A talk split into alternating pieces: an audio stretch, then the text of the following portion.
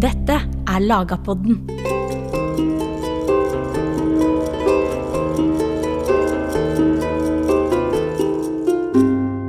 Vågan, eller Vågar i Lofoten, lå rett vest for der Kabelvåg ligger i dag, og var den nordligste av de stedene vi regner for byer i Norge i mellomalderen. Samtidig er det den byen vi vet minst om. Vågan var et viktig fiskevær, og den var òg et handelssentrum i Lofoten. Eksport av fisk herifra til kontinentet over Bergen går i alle fall tilbake til 1100-tallet. Aktiviteten var stor vår- og sommerstid, men vinterstid mista Vågan mye av bypreget sitt. Det skyldes annet at plassen ikke var et kirkelig sentrum, for det kirkelige sentrum i Nord-Norge da lå i Trondenes ved dagens Harstad i Vesterålen. Nedgang i handel etter svartedauden og påfølgende pester gjorde at handelen i Lofoten ble trukket sørover til Trondheim og ikke minst til Bergen, og Vågan forsvant helt som handelssentrum i løpet av 1400-tallet. Med oss til å fortelle om Vågan sin mellomalderhistorie har vi Miriam Tveit, som er førsteamanuensis ved Nord universitet. Du lytter til Lagerpodden, en podkast av Nasjonalbiblioteket. Mitt navn er Jørn Øyrehagen Sunde.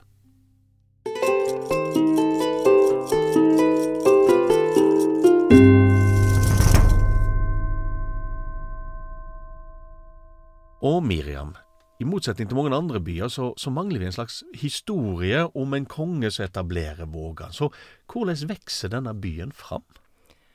Vågan eh, sin tilkomst har å gjøre med at det har gode havner og ligger nært til de veldig rike fiskeressursene i Vestfjorden. Særlig lofotfiske, som vi kaller det. Det årlige innsiget av eh, atlantisk torsk, som vi kaller skrei, i vintermånedene januar til april. Da har det til alle tider samles fiskere fra hele nordlandskysten og Rogalandskysten i Lofoten, og spesielt i Vågar. Så det har vært et viktig fiskevær. Mhm. Men i et tidsrom mellom 1200 og 1400 så er Vågan også et handelssentrum for regionen.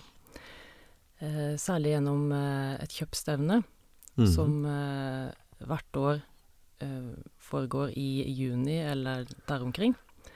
Og da kommer det også folk fra hele regionen for å selge varene sine. Oppkjøp av tørrfisk, men også kjøpmenn fra Bergen og Trondheim kommer for å kjøpe tørrfisk og drive handel. Mm. Er det bare fisken handler med i Vågan, eller tror en òg at det er andre produkter fra Nord-Norge som der blir skipa ut til resten av Norge og, og kontinentet? Vi kan ikke eh, Vi kan ikke overvurdere tørrfiskens betydning for, eh, for Vågan og for eh, økonomien i Norge i middelalderen. Men det var en hel del andre produkter som også blei solgt fra, fra Hålogaland og mm. fra nord, det nordlige Norge. For eksempel andre marine produkter. Huder og tau. Tran. Mhm. Og så har du i tillegg skinn, pels, som Mhm. kalles for klovare, som også ble sendt fra nord. Og som var ettertrakta produkter, luksusprodukter, på kontinentet. I tillegg så ble det solgt rovfugler. Hauk, for eksempel, uh, eksportert fra nord. Så det er altså produkt fra hele Nord-Norge som blir samla og som blir handla med på denne staden. Men, men uh, Vågan er jo mer enn bare en kjøpstad, for her møtes jo òg representanter fra konge og kyrkja, det vi kan nesten kalle staten i mellomalderen, hvis vi setter det litt på, på, på spissen. Vågan som et urbant fenomen, det er tresidig. Det er kjøpstevnet som definerer stedet, og i tilknytning til det så er, det også, er Vågan også et veldig viktig tingsted. Og her møtes representanter for kongemakta med folk i regionen, og det er også et viktig møtested for geistlige. Erkebiskopens utsendinger og presteskapet i regionen møtes der. Og både kongemakta og geistligheten er har interesser i den viktige tørrfiskhandelen, Mm. får eh, store skatter av den, og i tillegg selv aktører i tørrfiskhandelen driver eh, handel med, med fisk og andre produkter. Og eh, det her finnes sted samtidig i Vågan, og um, så lenge Vågastevnet eksisterer, i, helt til uh, ca. 1400, så har, er Vågan også et veldig viktig tingsted og et eh, eh, sted for prestestevne. Ja. ja, for lagmannen i, i Steigen Alle de dokument vi har etter han på 1400-tallet, er vel faktisk utstedt i Vågan. Så det kan jo til og med hende at han hadde sete der. Dette, vel, dette vet en jo ikke noe om, men det tyder iallfall at han var til stede, så at det ble gjort rettslige handlinger som involverte, involverte lagmannen. Men, men hva er kirkestevne? Hva er det for noe?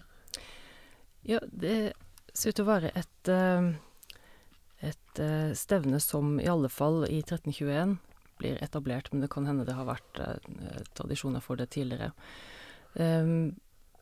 Samtidig med kjøpstevnet så møtes geistlige for å innkreve sine skatter, tiende, og diskutere kirkerettslige eh, spørsmål. Og eh, det er da rett og slett et, eh, en møteplass eh, mellom erkebiskopen og de ulike Mm. prestene i regionen. Mm. Ja, for kirka har jo store økonomiske int eh, interesser, som du sa, i fiske. Både som egen aktør, som handlende aktør, men òg gjennom tiende. Og, og hvor viktig er dette området egentlig for kirka sin inntekt i høgmellomalderen og, og seinere? Det er nok eh, veldig viktig for alle kirkene i, eh, i Hålogaland. Eh, vi vet at eh, Trondenes f.eks. har eh, store inntekter eh, fra tørrfisk. Eh, fra sognekirkene som sine tiender, som eh, gir eh, tørrfiskinntekter til, til Trondenes kirka, som er under styret av domkapitlet i Nidaros. Mm. Som står erkebispen nært. Ja, Det stemmer. Så det er um, en veldig viktig inntekt for kirka. Ja. En annen sak, det er jo da at eh, byer de har ofte sine egne bylover. Vi vet jo fryktelig lite om det. Vi har Bjarkøyretten for Nidaros, eh, som har eksistert før det kom i bylov i 1276. Men så har vi denne nesten mytiske blant oss som, som er interessert i dette, Vågan-boka. Kan du fortelle om den? Vågabok, den har vi én kilde på. Ja. Og eh, den er veldig interessant fordi eh, i 1291, eller fra 1291, så har vi et, eh, et kunngjøringsbrev fra erkebiskop Jørund, der han har hørt fire vitner som en del år tidligere, på 1280-tallet, har sett og hørt Bjarne Erlingsson stå på tinget på et mot i Vågan. Og der har Bjarne Erlingsson avskaffa en del nye tiender, og i tillegg avskaffa det som de kaller Vågabok. Og vi vet ikke hva denne Vågabok er, men det står i det her dokumentet at eh, det nå skulle kun være én lov i landet. Mm. Og det tror vi da er landsloven. Men eh, hva Vågabok er, det vet vi ikke, men vi kan spekulere. Det har blitt foreslått at uh, Vågabok kan være en landskapslov for Hålogaland, sånn som Gulatingsloven har vært det for Vestlandet og Sørlandet, og Frostatingsloven for uh, Trøndelag. Det er også blitt foreslått at uh, Vågabok kunne være en eh, handelslov for uh, tørrfiske spesielt. Eller kanskje en uh, bjørkerett på linje med den bjørkeretten vi har bevart for, for Nidaros. Ut ifra konteksten så handler denne saken om kirkas inntekter. Mm. Så kan jeg også spekulere i at det de sikter til, er en regulering av kirkas inntekter i um, Hålogaland, eller spesielt knytta til tørrfiskhandelen. Ja. Men både denne Vågan-boka gir jo staden en viss autonomi, og dette med at det er kirkestemne der, dette med at både kongelige og kirkelige representanter møter de handlende fra hele Nord-Norge her sommerstid, det er jo alt dette samla som gjør at Vågan får dette bypreget. Men eh, hvordan Vågan så ut som en by, da skal vi høre mer om om litt.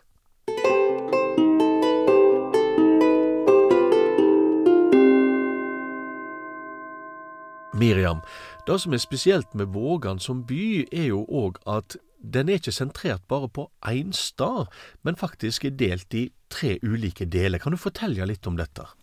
Vågan skiller seg fra andre norske middelalderbyer eh, og eh, andre europeiske middelalderbyer på den måten at eh, det er tettbygd sammenlignet med området rundt, men det er spredd over flere steder, og stilmessig så er husa der ligner veldig på de du også finner i i resten av Lofoten og i resten av Hålogaland. Det er eh, trebindinger med tjukke torvvegger rundt. Så det har ikke noe særlig eh, bypreg, Nei. den arkitekturen som er der. Eh, den er også De her bygningene står på eh, i alle fall syv forskjellige eh, områder. Ja. Vågan er jo Det var en stor arkeologisk utgravning der på midten av 80-tallet. Men eh, de gjorde stikkprøver, og det, var, det, er ikke totalt utgravd, så vi har ikke kunnskap om alt som finnes der, men de gjorde store funn på de områdene. Så selv om det har en veldig sånn rural bygningsstil, så var det tettbygd og inneholdt eh, funn fra eh, hele Europa. Ja. Eh, europeisk keramikk, eh, engelsk tekstiler, keramikk fra Syria. Ja vel? Og um, det tyder jo på en kontakt med, med verden rundt. Mm. Eh, antageligvis gjennom den handelen med tørrfisk da, over Bergen. Det som også preger Vågan sitt eh, utseende, den, eh, den er spredt over tre våger, eller viker. Ja. Så Vågan er flertall for våg, vågar. Og eh, Vågan består av eh, tre hovedområder. Det er Storvågan, der vi regner med det skal vi kalle det kommersielle sentrum har vært, eh, og hvor eh, fiskeproduksjonen og eh, annet håndverk har foregått, og som har vært et tingsted. Og så er det Kabelvåg, som vi kjenner fra i dag, eh, Ja. som eh, opprinnelig ble kalt Kapellvågen. Eh, der sto det antageligvis et kapell, og det regnes for å være stedet for prestestevne. Mm. Og så er det i tillegg eh, Kjerkvågen, som, eh, hvor Lofotkatedralen står i dag, og hvor vi finner den såkalte Trollsteinen, som en eh, stor stein med det tidligste innrissa korset på. Og der antar vi at den første kirka ble bygd i eh, Vågan. Mm. Så det er de tre eh, hovedområdene for, som til sammen utgjør Vågan. Ja. Dette med at uh, kirka er til stades er jo fryktelig viktig, som vi har vært inne på. Det er viktig for kirka sin økonomi, og det er viktig for, i området her. Men samtidig så blir jo da Vågan en litt spesiell type by, fordi den har ingen katedral. Den har ingen sånn stor, dominerende kirke, det er ofte slik vi identifiserer byer. Har de en katedral, et stort kirkelig sentrum, men allikevel så så er dette en, en, by. Men det er jo litt fordi det kirkelige sentrumet ligger på Trondanes. Ja, og Trondanes har nok vært hovedkirka for området. I Vågan så regner vi med det ble Det har eksistert en kirke. Ja. Eh, ifølge sagatradisjonen så er det Øystein, kong Øystein eh, Magnusson som eh, fikk bygd den første kirka i Vågan på tidlig 1100-tallet, og som det står, fikk lagt gods til, altså eh, la eh, eiendom med landskyld, altså inntekter til den kirka. Mm. Så det har vært et kirkested der, men eh, hovedkirka lå nok lenger nord, ja, i Trondenes. Ja. Og den ligger jo i Vesterålen, som òg blir da et, et, rikt fiskeområde. Men det betyr òg at uh, her er det ingen kloster, her er det ingen hospital, altså disse kirkelige institusjonene vi finner i Hamar eller Stavanger eller Bergen, Oslo osv. Men òg er det en skyline her, egentlig? Fordi de husene du beskriver, det er jo, er jo trehus kledd med, med torv, som blir mindre iøynefallende enn det du finner i de andre byene, kanskje. Ja, og det fins ikke noe gatenett å snakke om, selv om det er eh, veier som går mellom de vågene. Mm. Så eh, nei, det er eh, en eh, lav og tett bebyggelse Mm. spredt utover, så det, det er vanskelig å sammenligne Vågan med andre eh, middelalderbyer utseendemessig. Og derfor så må vi se på Vågan som et eh, spesielt eh, uttrykk for urbanitet, som Ja. kanskje ikke kan sammenlignes med, med andre eh, middelalderbyer. Og det har å gjøre med området det ligger i. Det er en um, eh, spredt befolkning som ellers, men grunnlaget er fiske, ikke jordbruk. Eh, tilkomsten er via sjøen. Og eh, den som har jobba aller mest med, med Vågan, er eh, professor emeritus i eh, historisk arkeologi, Reidar Bertelsen. Og han vil karakterisere Vågan som et urbant fiskevær. Mm. Og eh, særlig da denne perioden mellom 1200 og 1400, hvor Vågan i tillegg til å være eh, et viktig sentrum for fiskeriene, også har eh, kjøpstevne eh, er hovedtingsted for regionen og har eh, prestestevne. Og alle de her fenomenene, de forsvinner Ja. eh, antageligvis før 1400, men iallfall tidlig på 1400-tallet. Da vi har et eh, brev til eh, hele den nordafjelske befolkninga fra kong Øystein Kong Olav Fra kong Olav Håkonsson i eh, 1384, ja. der han eh, eh, klassifiserer Vågan sammen med Veøy på, eh, i Romsdal Ja. og Borgund i, på Mørekysten eh, som de små kjøpstedene. Mm. I eh, det brevet så eh, uttrykker han bekymring for at eh, de små kjøpstedene forfaller, eh, for folk ikke lenger tar handelen sin dit. Men eh, driver eh, kjøp i eh, fjord og på vær. Han krever nå at folk kommer til kjøpstevnene som tidligere, men også at kjøpmenn i Bergen drar til Vågan og holder kjøpstevne der. Så det er av kongelig interesse å opprettholde Vågan som et økonomisk sentrum. Kanskje i større grad enn det for befolkninga i Hålogaland. Ja. Dette er jo òg et uttrykk for, for kongsmakta sitt behov for å ha handelsstader og byer som gjør at de kan skattlegge. Både de- altså de handlende, og gjør at kongen får inntekter. Straks alle eh, reiser inn i fjordene, så mister jo kongsmakta fullstendig oversikten over de handlende. Eh, men hva skjer da med Vågan utover på 1400-tallet?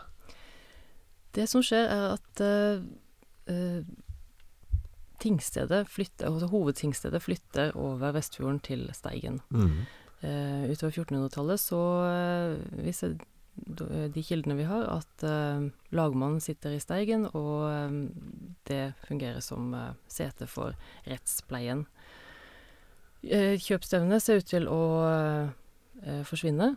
Eh, vi har det brevet fra 12, 1384, men det, det kommer heller ikke noen andre kilder som tilsier at eh, eh, fortsetter. Og dermed så er også eh, grunnlaget borte for å holde prestestevne der. Ja. Så alle de tre funksjonene som Mm. Vågan har som er urbane, de blir borte på 1400-tallet.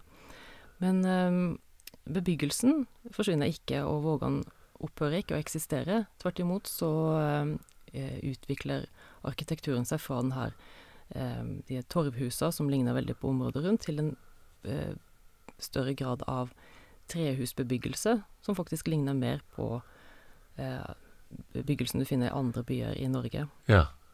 Um, det funna som er gjort i Vågan fra 1400-tallet, er også like internasjonale som uh, i eh, perioden før.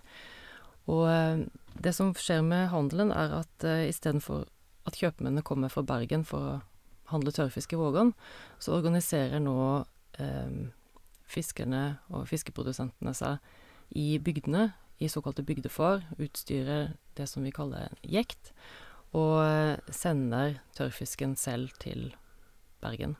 Ja. Eh, og den, det vi kaller jektefarta oppstår. Så eh, istedenfor at eh, Vågan nå er sentrum for handel, så eh, handelen spredt til fjord og vær, og at befolkninga tar handelen selv til Bergen. Ja, Og de fortsetter altså da å kjøpe disse utenlandske varene, disse keramikken fra kontinentet, klær fra de britiske øyene osv. Så, videre. så vi fortsetter å finne den type gods i området på 1400-tallet. Ja, og nå er jo eh, folk nordfra selv i Bergen og gjennomfører handelen der selv. Med, ja. Både direkte med eh, utenlandske eh, kjøpmenn der, og så gjennom eh, eh, bergenske kjøpmenn. Så de får jo en eh, annen tilgang til de internasjonale produktene som er ja. i Bergen. Bergen er jo en internasjonal handelsby. Og det kan jo være derfor at også arkitekturen endrer seg i nord, at den blir inspirert av arkitekturen. Ja, ja hvordan ble den inspirert? Hva, hva ble resultatet? Eh, resultatet blir, eh, eh, som jeg snakker om, en eh, endring fra de her torvhusa til ja. trehusbebyggelse. Ja. Så vi kommer altså i det paradokset at uh, det som forsvinner, er på en måte kontakten med, med statsmakta, egentlig. Men uh, handelen fortsetter, bare at de reiser ut med varene. De kjøper de samme tilbake, og så har de til og med med seg en mer byliknende arkitektur, sånn at Vågan som plass der folk bor, og uh, fortsetter, og den ser mer ut som en by, men den er ikke en by i funksjon lenger. Så den sentralfunksjonen som Vågan har, den mm Eh, opphører, og eh, den slutter å være et eh, sentrum for hvor kongemakt og kirka kan møte befolkninga. Mm. Da, Miriam Tveit, skal du ha tusen takk for at du har kommet til oss og fortalt om Vågan som by i mellomalderen.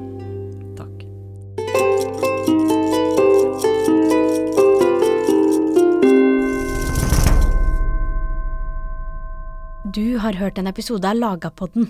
Musikken i denne podkasten er skrevet og produsert av Øyon Groven Myhren. Hør flere av Nasjonalbibliotekets podkaster på nb.no eller i din foretrukne podkastapp.